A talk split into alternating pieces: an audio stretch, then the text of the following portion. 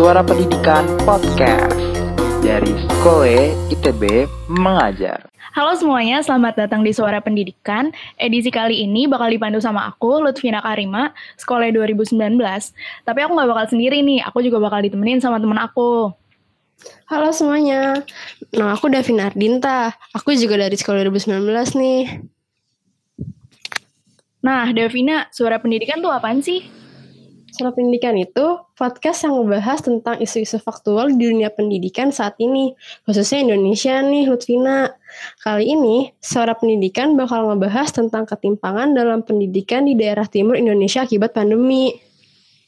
Nah, untuk ngebahas tentang topik ini, kita nggak cuma berdua nih, kita bakal ditemenin sama Kanila Tanzil.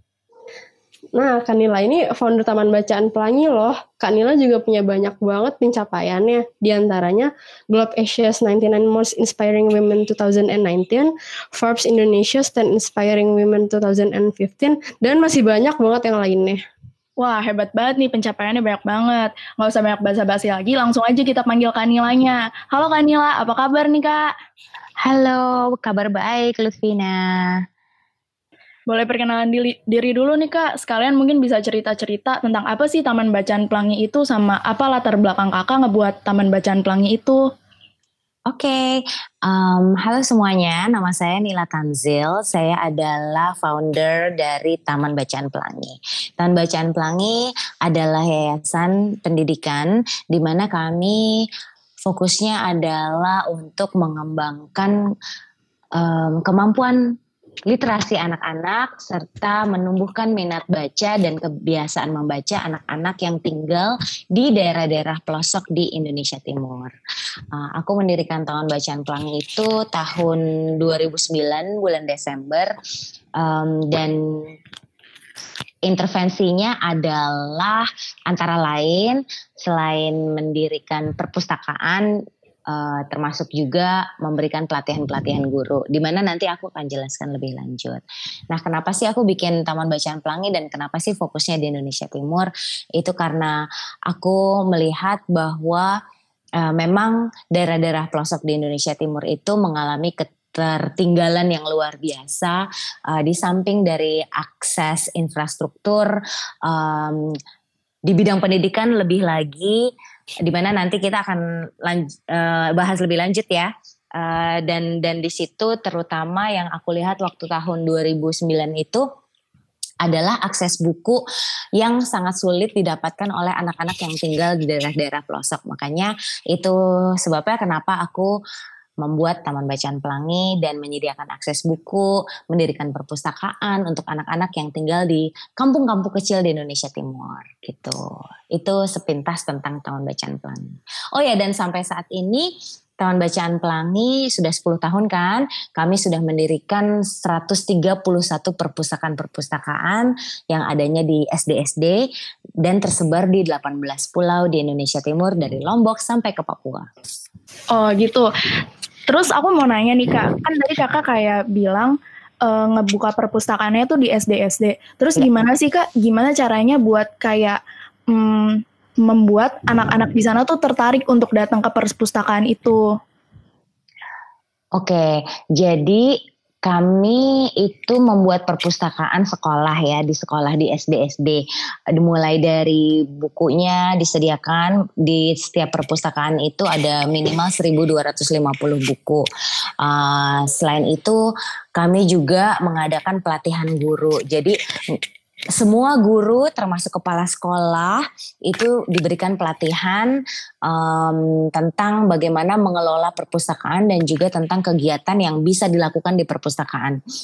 Um, menurut aku gimana caranya supaya perpustakaan itu bisa hidup, yaitu adalah programnya jadi kayak nyediain buku aja itu nggak nggak cukup gitu loh.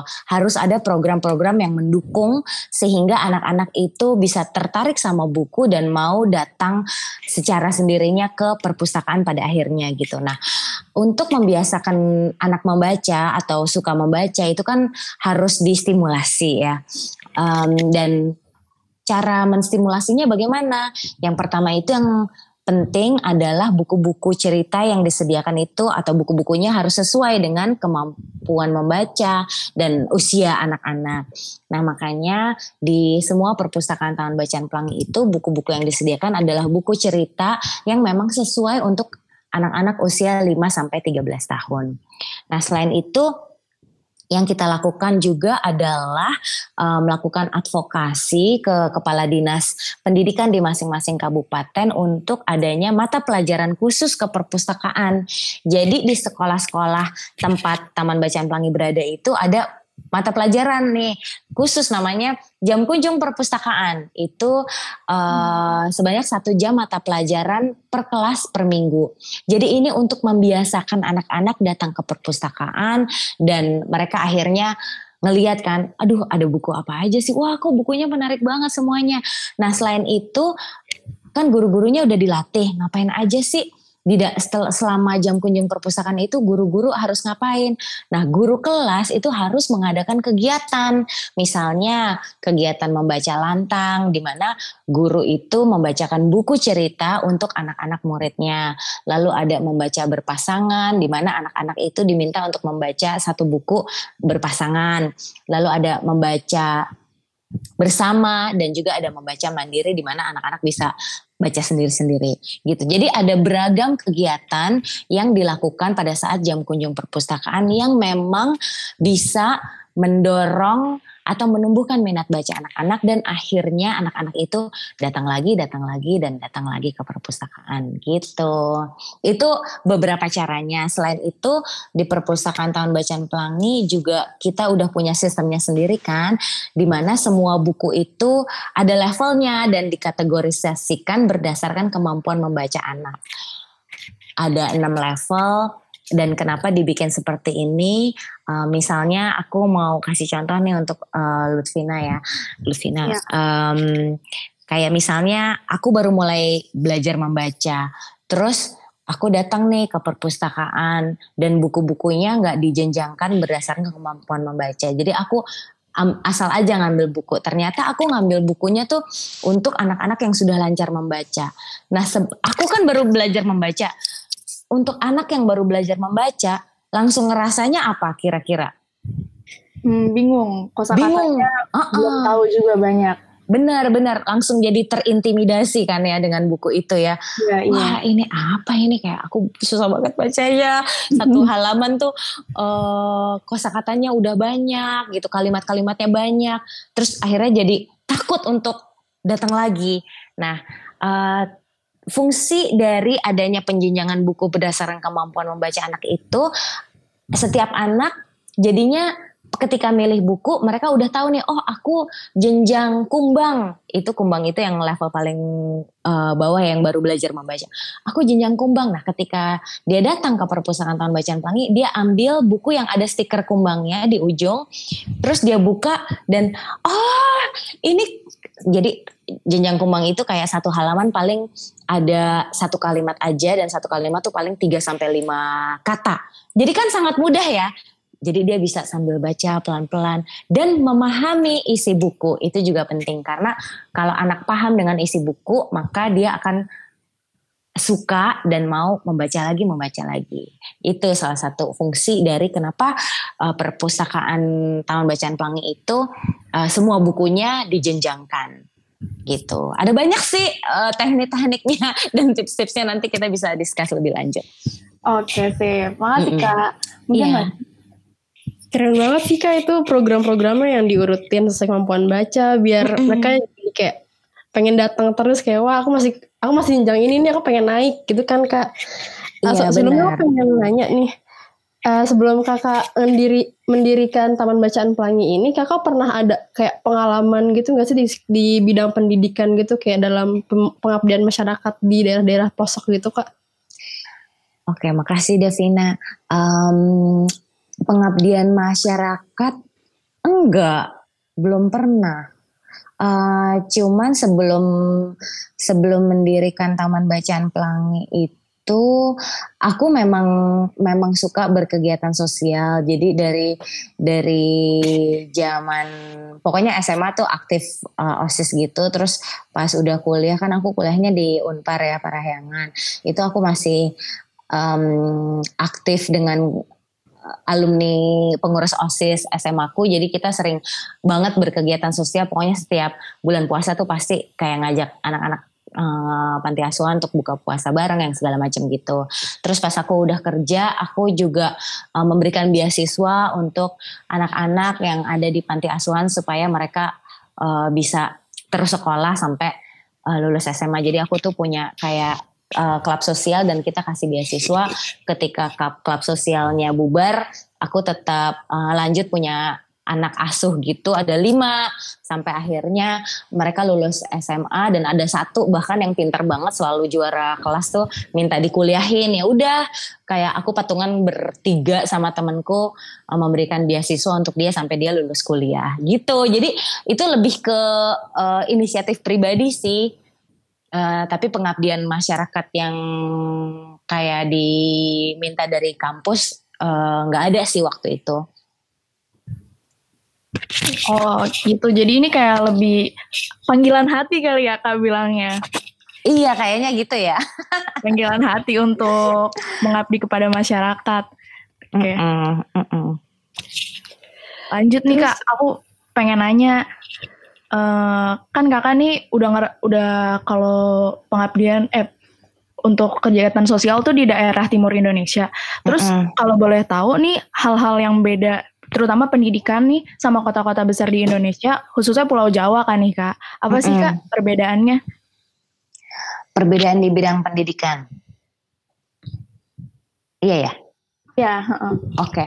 Um, kalau dari segi kemampuan membaca anak karena uh, tahun bacaan pelangi kan literasi ya fokusnya itu sangat timpang kemampuan membaca anak di Jawa dan Bali dengan di daerah daerah-daerah di Nusa Tenggara uh, dan Papua.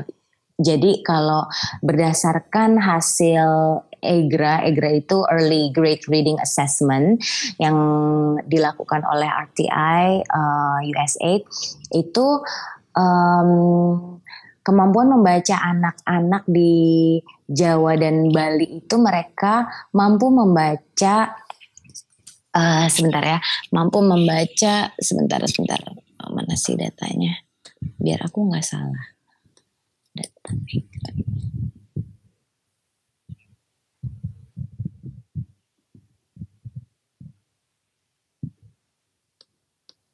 Ya. Dia. Nah, um, kemampuan membaca anak-anak di Jawa dan Bali mereka bisa membaca 59 kata per menit. Sementara anak-anak di Maluku, Nusa Tenggara dan Papua mereka hanya bisa membaca 29 kata per menit. Hmm uh, uh, kayak udah beda setengah sendiri kan 50% mereka yeah, iya. tertinggal yeah. dibanding anak-anak di Jawa dan Bali. Nah, benchmark anak dikatakan lancar membaca adalah ketika mereka bisa membaca 50 kata per menit. Jadi 29 kata per menit itu benar-benar nggak lancar banget. uh, demikian juga dengan uh, reading comprehension, pemahaman atas konteks yang mereka baca. Di anak-anak di Jawa dan Bali mereka bisa memahami 78 kat, uh, 78% dari mereka yang apa yang mereka baca. 78% bagus lah ya. Uh, nah, anak-anak di Maluku, Nusa Tenggara dan Papua mereka hanya mampu memahami 46% saja dari apa yang mereka baca. Wow. Ini lagi-lagi hampir setengahnya gitu uh, ketinggalan dibanding anak-anak di uh, Jawa dan Bali. Makanya aku pikir ini juga ya kenapa ya waktu itu kan masih ada ujian akhir nasional gitu kan dan hasilnya itu benar-benar anak-anak di NTT itu paling rendah selalu gitu dari seluruh Indonesia tuh ting dia menduduki peringkat paling rendah dan uh, banyak yang gak lulus yang gitu-gitu ya no wonder gitu kan karena ternyata mereka hanya memahami 46% saja dari konteks yang mereka baca ya mungkin nggak paham dengan uh, pertanyaannya, ya kan? Akhirnya jawabannya jadi salah, yang kayak gitu kayak gitu. Itu salah satu uh, data yang menunjukkan benar-benar ketimpangan yang luar biasa. Di samping itu uh, kualitas guru juga, ya kan? Kualitas guru tuh juga um, sangat sangat apa ya masih masih masih jauh di bawah standar uh, standar yang seharusnya guru itu memiliki kualitas seperti itu. Um, di samping itu dari fasilitas fasilitas juga fasilitas sekolah tuh apa adanya banget jauh banget dibanding sekolah-sekolah di uh, Jawa di Pulau Jawa dari ruang kelas harus berbagi jadi kayak uh, banyak banget sekolah yang anak kelas 2 dengan anak kelas 3-nya tuh ruang kelasnya digabung yang kayak gitu. Jadi gimana anak mau bisa konsentrasi belajar kan? Ya gurunya balapan ngomong gitu guru kelas 2 dan guru kelas 3 balapan ngomong kenceng-kencengan uh, menjelaskan gitu aduh jadi kebayang gak sih jadi anak muridnya aduh aku harus dengerin yang mana nih kayak dia sebelahku yeah, yeah. oh pusing gitu ya ya hal-hal seperti itu ditambah lagi mereka juga mengalami kendala bahasa jadi kan hmm. sehari-hari pakai bahasa daerah kan yeah. uh, nah kak kebayang jadi anak yang kelas 1 baru masuk sekolah loh kok tiba-tiba gurunya pakai bahasa Indonesia yang selama ini mereka nggak pernah dengar gitu. Kayak kita tiba-tiba uh, mah masuk terus gurunya ngomong pakai bahasa Perancis. Padahal kita nggak pernah belajar bahasa Perancis. Hello ini apa sih? Gitu. Dan semua textbooknya juga pakai bahasa Perancis. Kebayang nggak? Iya, jadi bingung sih pasti anaknya kan. Iya, jadi bingung. Nah, uh, itu juga uh, merupakan kendala tersendiri tuh untuk anak proses belajarnya di diri dia sendiri itu mengalami tantangan yang luar biasa. Uh, nah itu sebabnya juga itu merupakan faktor kendala juga kenapa sampai akhirnya kemampuan bahasa Indonesia mereka, pemahaman pemahaman mereka di kelas itu sangat jauh berbeda dibanding anak di Pulau Jawa yang yang uh, bahasa Indonesia tuh udah familiar lah ya, lebih familiar gitu. Hmm, jadi gitu ya kak. Kan yang tadi kata kakak uh, fasilitasnya kayak jauh banget sama Pulau Jawa yang mereka mm -hmm. sampai kelasnya tuh cuman disekat doang terus bisa mm -hmm. ke terus kalau guru-gurunya ngajar kedengeran semua gitu kan kak. Mm -hmm. Terus apalagi kalau sekarang ini kan udah kayak pas masa-masa pandemi gini kayak kita harus jarak jauh gitu. Sebenarnya kayak ada nggak sih yang kayak bener-bener kerasa banget perbedaannya saat mereka harus kayak PJJ kayak gini loh kak? Oh, tentunya pastinya. Jadi kan lokasi perpustakaan perpustakaan taman bacaan Pelangi itu memang banyak yang di daerah yang pelosok banget gitu ya. Uh, masih ada yang daerah yang nggak ada listriknya, terus uh, sinyal handphone ya boro-boro internet ya sinyal aja nggak ada sinyal handphone. Jadi ini benar-benar uh, ketimpangan yang luar biasa uh, dibandingkan dengan daerah-daerah di Pulau Jawa yang oto, yang mayoritas kayak akses internet lebih lebih lebih mudah gitu. Nah, um, di masa pandemi ini kan Taman Bacaan Pelangi akhirnya melakukan inisiatif kita memberikan paket belajar fisik gitu ya. Kita print uh, paket belajar untuk anak-anak supaya mereka bisa tetap belajar di uh, rumah masing-masing. Karena memang itu guru-guru sendiri mengakui bahwa uh, di kampung mereka kampung-kampung mereka itu ya bu nggak ada sinyal. Ya gimana gitu? Gimana mau belajar? Nah kalaupun misalnya uh, kampung tersebut ada sinyal belum tentu orang tuanya itu punya pulsa atau punya paket data belum tentu juga punya handphone yang mumpuni yang bisa membuat anak-anak itu bisa belajar lewat teknologi gitu, lewat internet. Jadi memang challenge-nya luar biasa dan pada saat kita memberikan paket belajar ke sekolah-sekolah ini, jadi kita udah memberi, membagikan ke 3000 anak. Anak kelas 1 ini fokusnya untuk anak kelas 1 dulu. Uh, selama mulai dari bulan Mei kemarin itu uh, guru-guru tuh kita juga jadi tahu gitu ya ternyata guru-guru di daerah itu uh, tetap harus datengin rumah anak satu persatu. Karena memang belum belum belum bisa itu anak-anak belajar pakai internet. Uh, mereka harus datang satu-satu dan tentunya itu tidak maksimal kan karena kan kayak murid ada berapa? Misalnya di kelas 20 anak deh taruh. Ya dia harus datang ke 20 rumah. Gitu satu-satu. Uh-uh, jadi digilir misalnya uh, hari ini ke lima rumah, lalu besoknya ke lima rumah lagi yang kayak gitu. Itu uh, mereka sendiri ya, walaupun itu ada resiko mereka tertular ya kan atau uh, bahkan menulari mungkin mudah-mudahan sih enggak gitu. Jadi mereka belajarnya masih ma- masih pakai masker yang yang gitu loh, datengin satu-satu terus sambil sambil ya kita nitip paket belajar kita juga dibagikan dan akhirnya uh, guru-guru itu juga berinisiatif untuk membawa buku-buku dari perpustakaan tahun bacaan pelangi untuk dipinjamkan ke anak-anak. Jadi modelnya benar-benar buku yang datang ke mereka. Nah, yang kayak gitu. Oh berarti kalau misalnya gurunya datang satu-satu tuh berarti penyampaian materinya jadi agak lambat ya? Banget, banget iya kan? Karena satu guru misalnya mereka sih bilangnya uh, spend time untuk satu anak sekitar satu jam. Ya kan kurang, iya kan? Iya. Uh-uh, uh-uh. Kok susah banget ya kak berarti kalau misalkan yang di daerah sana-sana udah nggak bisa udah nggak ada sinyal. Banget. Uh-uh. Terus yang sama yang kayak yang tadi kayak kak- kayak kakak jelasin tadi tuh kan kayak susah banget sinyalnya tuh sampai guru-guru harus datang-datang gitu. Kakak juga bikin artikel gitu kan ya kak kayak semacam surat terbuka buat Mendikbud kita yang diunggah di, di Jakarta Post yang judulnya Minister Nadiem Please Visit Children in Eastern Indonesia. Sebenarnya kakak apa sih yang mendorong kakak buat kayak oke aku harus bikin artikel ini dan harapan kakak atas dipublikasikannya artikel itu apa sih kak kalau boleh tahu? Jadi kenapa aku membuat artikel tersebut karena itu sejak ada pandemi ini itu aku nggak bisa tidur mikirin anak-anak yang di daerah-daerah pelosok karena aku kan ya eh, di mana Taman Bacaan Pelangi berada itu kan memang di daerah-daerah yang seperti itu em, yang susah sinyal, susah listrik gitu ya dan ketika ada pandemi ini dan uh, ternyata didorong untuk anak-anak belajar pakai teknologi, pakai internet, langsunglah aku kebayang muka anak-anak yang ada di kampung-kampung kecil itu, oh my god, gimana mereka mau belajar? Gak bisa.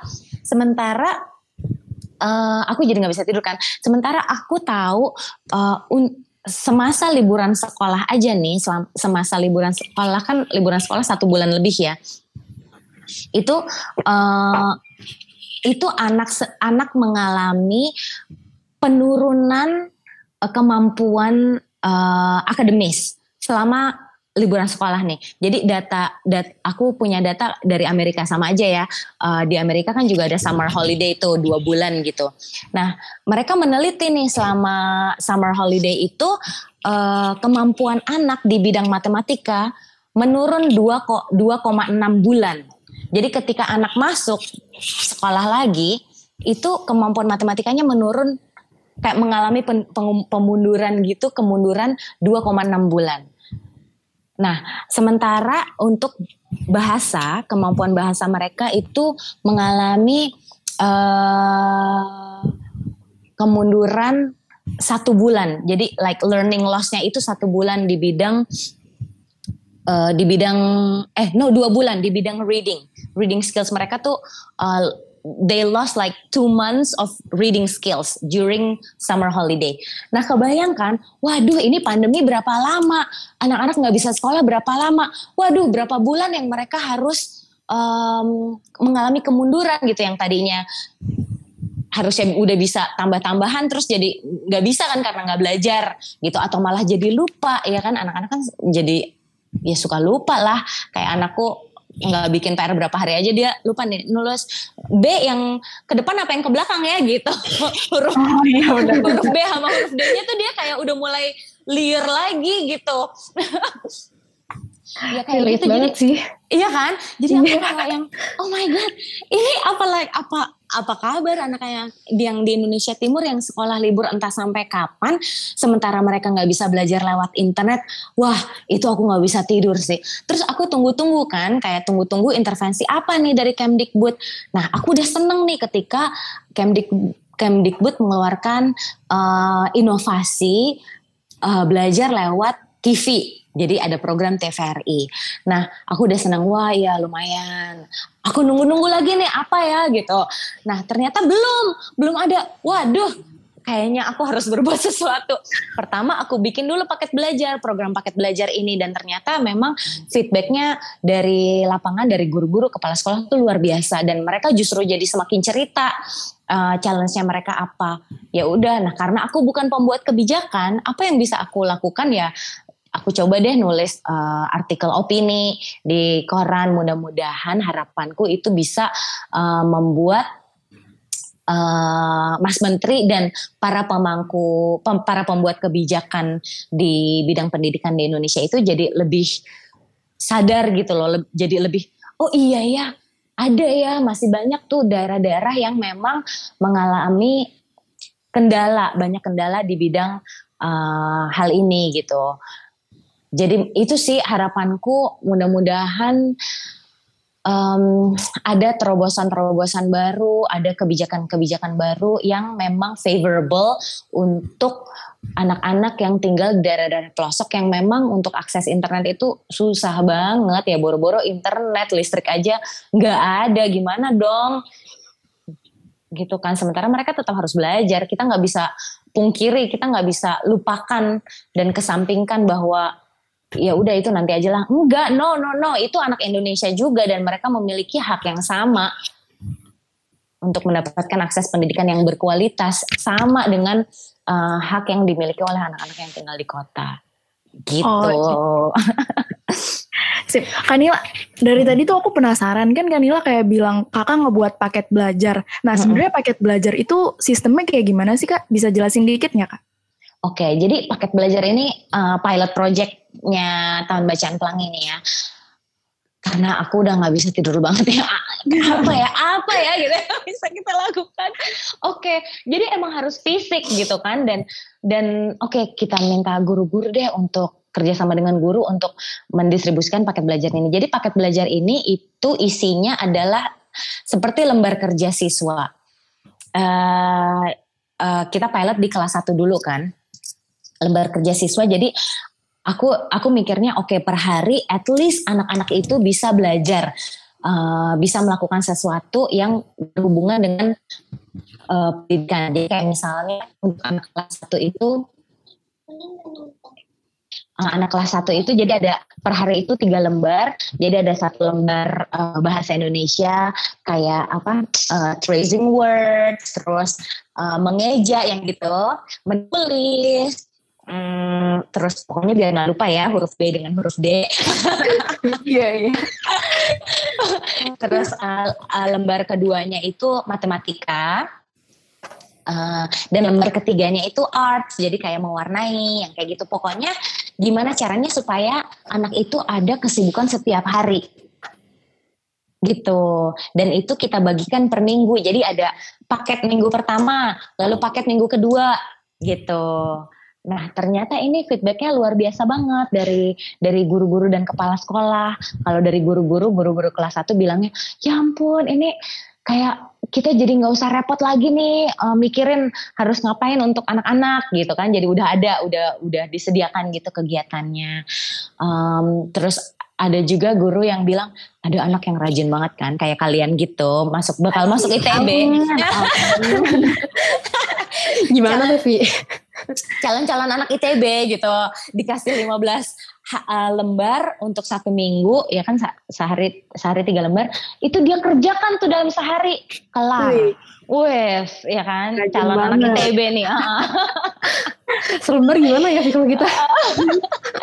Langsung langsung dikerjakan sama anak itu dalam satu hari.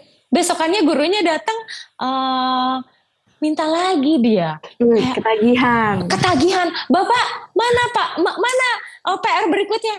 Loh, itu untuk dikerjakan satu minggu. Ah, saya sudah selesai. Wah, kurang, kurang, kurang. Ketagihannya soal ya ampun. uh, ring sebel nggak? Kayak kamu waktu kecil. iya kayak gitu. Nah itu itu uh, program paket belajar kita dan akhirnya sampai sekarang masih berjalan terus. Pokoknya sampai selama sekolah masih diliburkan kita masih uh, jalankan terus dan itu sudah dibagikan ke 3.000 anak. Hmm. di Flores, Sumba dan Papua. Keren banget kak, parah sih. Ya we do what we can lah. Iya benar-benar. Mm-mm. Oke untuk Pak Nadim tolong ya dibaca artikelnya biar mungkin nanti Kanila bisa tidur tenang ya Pak. Tolong banget nih dibaca nih. Ya oh dan menurutku kenapa aku eh, ngajak Mas Nadim untuk datang ke pelosok karena ya eh, menurut aku nih menurut aku itu untuk orang-orang kota yang memang belum pernah belusukan itu susah sih untuk memahami konteks apa yang benar-benar dialami oleh eh, masyarakat yang ada di daerah pelosok. Nggak kebayang Iya benar. Iya, nggak kebayang. Apalagi untuk orang-orang yang memang hidupnya selalu di kota besar, terus eh apa ya, segala sesuatu ada gitu ya, infrastruktur gitu. Jadi emang kalau nggak pernah ke pelosok itu nggak kebayang. Banyak banyak teman-temanku tuh yang juga hidupnya di bubble gitu kan. In the bubble jadi ya udah dipikirnya ya semua sama lah. Ya udah nih ini, ini teman-temanku semuanya sama gitu kan. Kayak wah akses gampang segala macam Eh, ternyata ketika kan aku juga punya ini kan travel agent namanya Travel Sparks. Nah, itu social enterprise di bidang travel di mana kita em, bikin tripnya itu eh, spesialisasinya ke Indonesia Timur terutama Flores dan di itinerary-nya tuh ada volunteeringnya di Taman Bacaan Pelangi.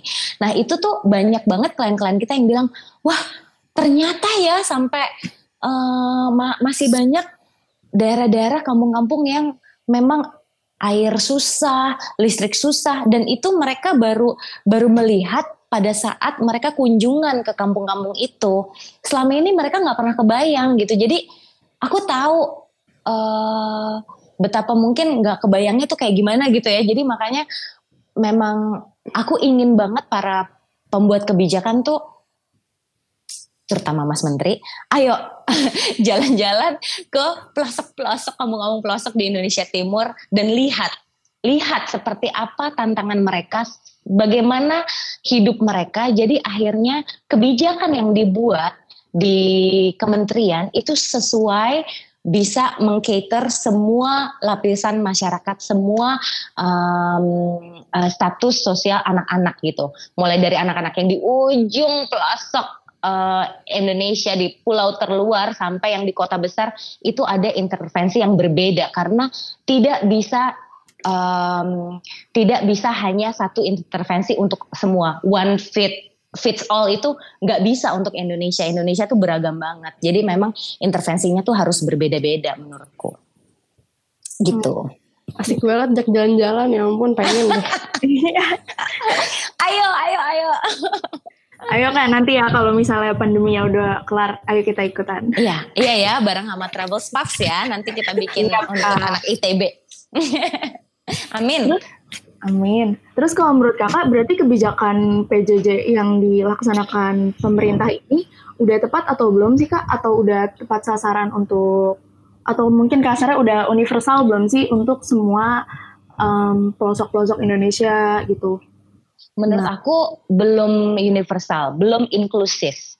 Em, eh, sudah bagus ada inovasi bekerja sama dengan TVRI ya, ada program eh, program belajar dan program belajar itu kan em, kayak modelnya kelas 1 sampai kelas 3 dari jam 9 eh, sampai jam 10 eh, kayak gitu ya satu jam. Nah itu pun walaupun bagus tapi itu pun masih kurang tepat ya kan karena kemampuan anak kelas 1 dengan kemampuan anak kelas 3 beda dong. Iya. Ya masa programnya sama ya kan? Kalau misalnya mau lebih detail dilihatnya ya itu harusnya dibedakan juga gitu. Nah, apalagi eh, untuk anak-anak yang di pelosok. Jadi em, gimana ya? Eh, eh, dipik- di- mungkin banyak yang mikir oh TVRI itu semua punya gitu. No, nggak semua orang punya TV. Nggak semua orang punya TV. Dan Ada lagi nih masalah barunya ya. Iya, nggak semua orang punya TV di kampung-kampung yang aku datengin. Itu kalaupun di di kampung itu sudah ada listrik, listrik pakai generator. Dan nggak semua orang bisa punya akses ke generator itu ya. Jadi kayak um, kan hanya orang-orang tertentu aja yang bisa punya genset. Tapi ada juga yang kepala desanya keren. Uh, ini jadi detail nggak apa-apa ya. Ada juga kepala desanya keren, uh, genset genset satu untuk semua kampung, tapi ada bayarannya. Misalnya satu bulan tuh 150 ribu, tapi cuman boleh nyalain seperti yang di artikelku itu nyalain dua lampu aja per household, per rumah tangga. Lah gimana mau punya TV, ya kan? Iya. Gak bisa men gitu, nggak bisa. Terus beli TV juga mahal gitu.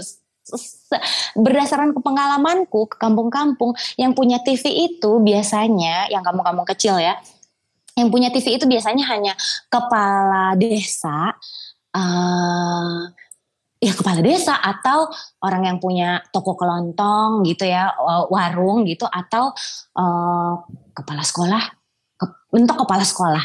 Dan itu biasanya kalau orang yang punya TV tuh semua pada nontonnya rame-rame gitu kan.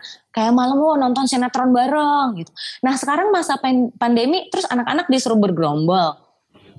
Ya nggak bisa gitu, nggak boleh, nggak boleh bergerombol gitu. Jadi aku kayak, aduh pusing. Ini kalau nggak kalau nggak pernah ke kampung-kampung ya nggak ngerti, nggak ngerti masalahnya tuh sampai sekompleks itu gitu loh. Udahlah nggak ada TV. Nah, kalau ada TV kan nontonnya harus barengan. Ya masa pandemi ya nggak bisa. Terus ya banyak lah gitu ya. Aku ba- bisa curhat banyak lah kalau dalam hal ini. Jadi ya tolong eh, nanti kalau udah bisa traveling, Mas Menteri ke Indonesia Timur dulu deh gitu supaya bisa paham benar konteksnya lalu semoga ada terobosan-terobosan eh, keren seperti ketika dia membuat Gojek. Tuh. Amin. Amin. Nah, kalau menurut kakak eh, yang tepat untuk em, di masa PJJ ini Mm-mm. untuk di Indonesia bagian timur tuh kebijakannya yang tepat apa sih kak? Oke. Solusinya gitu. Oke, solusinya itu harus dipikirkan. em, eh, ini kan targetnya ada banyak ya. Jadi eh, Iya. target untuk anak-anak yang di kota yang sudah memiliki semua akses itu bisa nih lewat eh, pembelajaran lewat internet, lewat teknologi.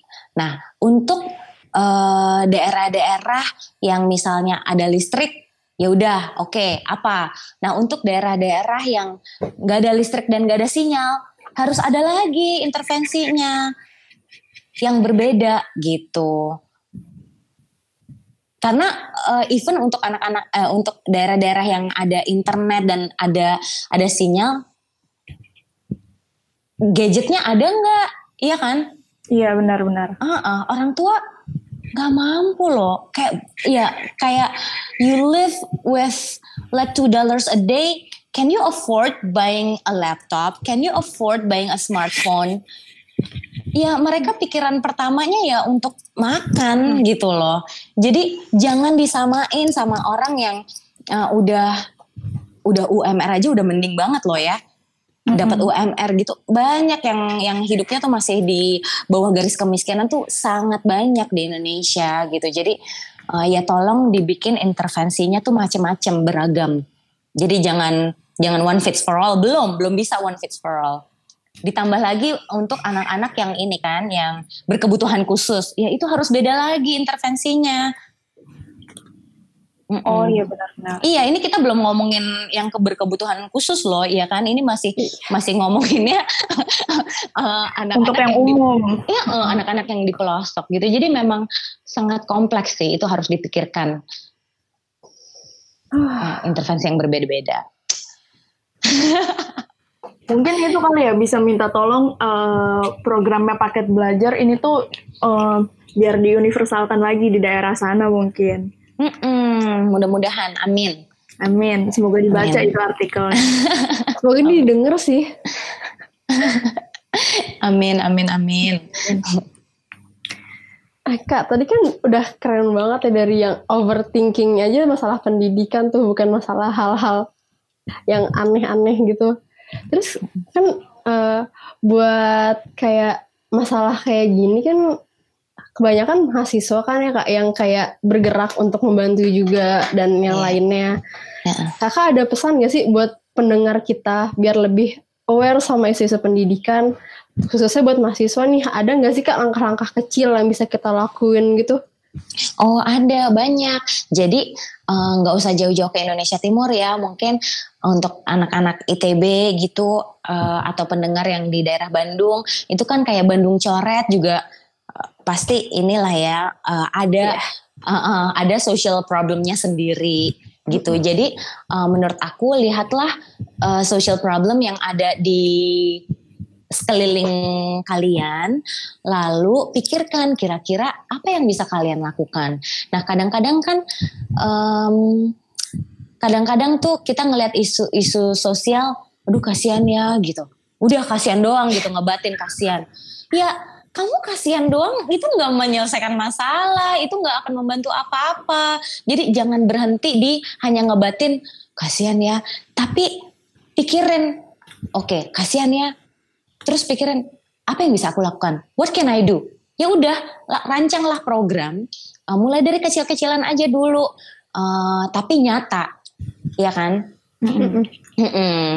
Um, ya udah aku yakin aku yakin kalau si small action itu aksi nyata kecil yang kalian mulai awalnya kecil itu pasti nanti akan bergulir menjadi bola salju yang lama-lama makin besar makin besar makin besar dan akhirnya impactnya itu akan luar biasa. Gitu. Aku itu itu aku yakin banget karena dulu pas aku bikin taman bacaan pelangi juga aku mulainya dari satu taman bacaan hanya dengan model 200 buku yang aku sediain aku beli sendiri di di Gramedia di Jakarta. Sampai akhirnya sekarang ada uh, lebih dari 30 ribu anak yang merasakan dampaknya dari hal kecil yang 10 tahun itu aku lakukan itu aku nggak kebayang. 10 tahun yang lalu tuh aku nggak kebayang akan akan impactnya seperti ini gitu.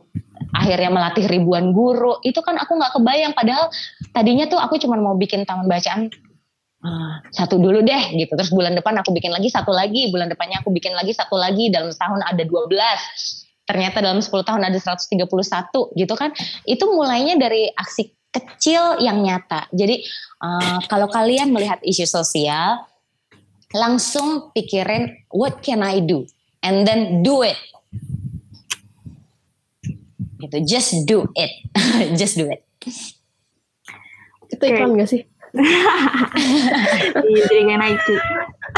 Iya, maaf ya, jadi kayak Nike. Tapi benar, gak usah kebanyakan mikir, karena kalau kebanyakan, aku tahu nih orang-orang yang high achiever kan cenderung ke perfectionist, ya kan? Iya benar. Yeah, cenderung, iya kan? Cenderung ke overthinking. Oh harus perfect, semuanya harus perfect.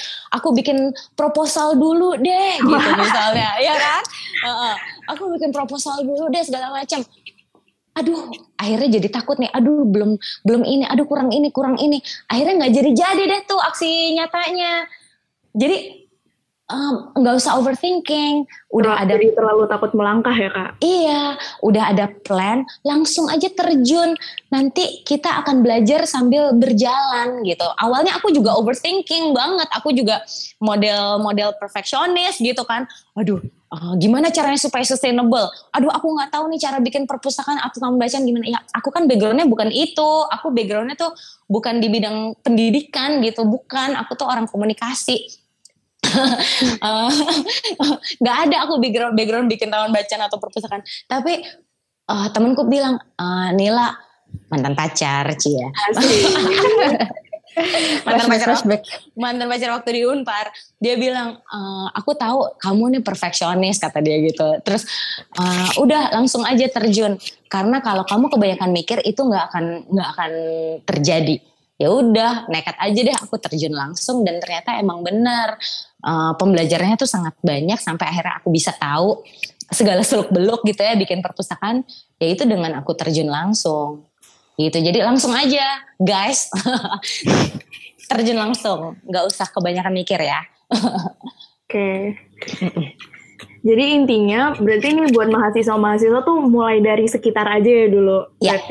mulai dari sekitar mulai dari hal-hal kecil dan yang paling penting jangan overthinking. Langsung mm-hmm. aja eksekusi dan belajar saat melakukannya gitu kan. Betul. Betul. Terus aku pengen nanya nih kan kan tadi tadi kakak bilangnya kalau untuk mahasiswa uh, lihat aja lingkungan sekitar dulu. Nah, kakak kan nih tadinya dari Unpar, kok bisa kepikirannya tuh ngebuatnya kok di Indonesia Timur sih kak? Lingkungannya bukan main di situ nih awalnya. Nah, itu karena pas aku lagi kerja, aku lagi kerja di Labuan Bajo. Jadi aku tuh uh, aku habis kerja dari aku habis kerja uh, di Singapura. Uh, aku kerja di Singapura, terus aku berhenti terus aku traveling aku nggak mau kerja dulu uh, mau menikmati hidup ya hasil tabungan kerja keras di Singapura migran tiap hari gitu aku trading obligasi. Aduh aku mau menikmati hidup dulu menikmati hidup dulu karena aku senang traveling. Ya udah aku traveling tuh 8 bulan aku traveling. Ke mana-mana Nah, uh, pas di aku traveling itu aku sempat diving di Labuan Bajo, di Komodo tuh seminggu liveaboard ya, tinggal di kapal itu aku senang banget. Abis dari Komodo tuh aku ke Raja Ampat.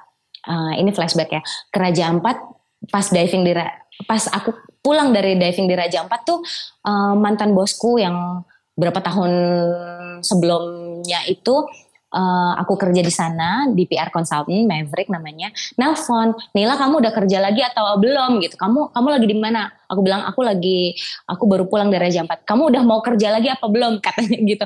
Aku bilang aku songong banget waktu itu. Jawabnya gini oh tergantung kerjanya apa cie. Kesel ya belagu. Terus oh tergantung kerjanya apa? Gitu. Dia bilang ini ada kerjaan ini ada project di Komodo di Labuan Bajo. Wah, pas aku uh, de, uh, baca Labuan Bajo, waduh, aku hanya satu tuh kepikirannya, wah, aku bisa diving setiap weekend. Udah. Liburan. Iya, Pikirannya senang-senang dulu ya, Kak. Pikirannya senang-senang dulu. wah, wah lumayan nih proyeknya cuma dua bulan wah aku bisa diving tiap weekend wah gitu kan hanya itu satu-satunya alasan kenapa aku nerima kerjaan itu ya, keren banget alasannya. Jadi ya udahlah terbanglah aku lagi ke Labuan Bajo ya senang gitu. Nah ternyata proyeknya diperpanjang, diperpanjang, diperpanjang sampai akhirnya aku setahun, uh, setahun lebih gitu di tinggal di Labuan Bajo. Nah di saat aku empat bulan tinggal di sana, uh, itu aku empat uh, bulan tuh aku udah mulai bosen nih diving tiap weekend. Jadi aku jalan-jalan ke pelosok. Nah di situ tuh benar-benar kayak nggak bisa tidur lagi tuh aku ngelihat anak-anak, ngelihat anak-anak. Aku tanya-tanya kan ke masyarakat kayak ini anak-anak pulang sekolah ngapain biasanya? Terus uh, mereka bilang, oh ke hutan gitu. Hah ngapain ke hutan? Bingung dong ya. Nah, ngapain ke hutan? Mencari kayu bakar. Hah kayu bakar? Jadi mereka tuh masaknya masih pakai tungku masih pakai kayu bakar. Nah, itulah yang mereka lakukan setiap pulang sekolah ke hutan. Terus uh, kalau anak-anak yang di Pulau Komodo, Pulau Rinca itu kan masing-masing ada kampungnya tuh. Aku tanya mereka pulang sekolah ngapain? Yang main-main aja di pantai gitu. Terus aku inget dong waktu kecil tuh aku pulang sekolah pasti baca buku. Nah, aku senangnya kan setiap traveling tuh nggak tahu kenapa ya either nyasar atau emang sengaja aku tuh pasti end up-nya di sekolah. Mau aku lagi di Vietnam mau aku lagi di Myanmar uh, belusukan. Kok gue nyasarnya nyampe nya ke sekolah ya? Kenapa sih gitu? Uh, demikiannya takdir. takdir ya udah the universe gitu kan. Send really strong signals to me Nah gitu juga di di Indonesia Timur ya udah aku ke sekolah dan nggak ada perpustakaan. Nggak ada perpustakaan. Um, terus lagi-lagi aku berkaca wah waktu kecil tuh aku selalu baca buku. Wah gila sih anak-anak ini nggak pernah ngerasain the joy of reading yang aku rasain waktu kecil. Itu tuh wah gila ya. Itu mereka kayak uh, they're missing out they they're missing out a lot so much. Jadi terus aku mikir kayaknya aku bisa nih bikin taman bacaan gitu. Itu setelah nggak tidur beberapa malam kayak aduh aku bikin apa ya? Aku bikin apa? Aku bisa apa ya? Aku bisa apa? Gitu. Ini kayaknya masalah pendidikan ruwet banget. Ya udah aku kerucutkan. Saking ruwetnya ya itu masalah pendidikan. Mulai dari mulai dari kekurangan guru kualitas guru yang segala macam itulah. Oh akses buku yang emang sangat dekat dengan hidupku ya udah kayaknya oh ya udah bikin taman bacaan. Kayaknya bisa nih gue bikin taman bacaan gitu. Jadi aku mulainya ya emang dari ngeliat ke sekeliling. Waktu itu aku tinggalnya di Flores ya aku bikinnya di Flores dulu gitu. Ah. Keren banget sih. Berarti kita mulai dari sekitar dulu gak usah jauh-jauh. Iya, Ya, kalau mau jauh-jauh, mm-mm, kalau mau jauh-jauh juga bisa. Cuman dipikirin lagi kan kalian mas- masih mahasiswa ya kan?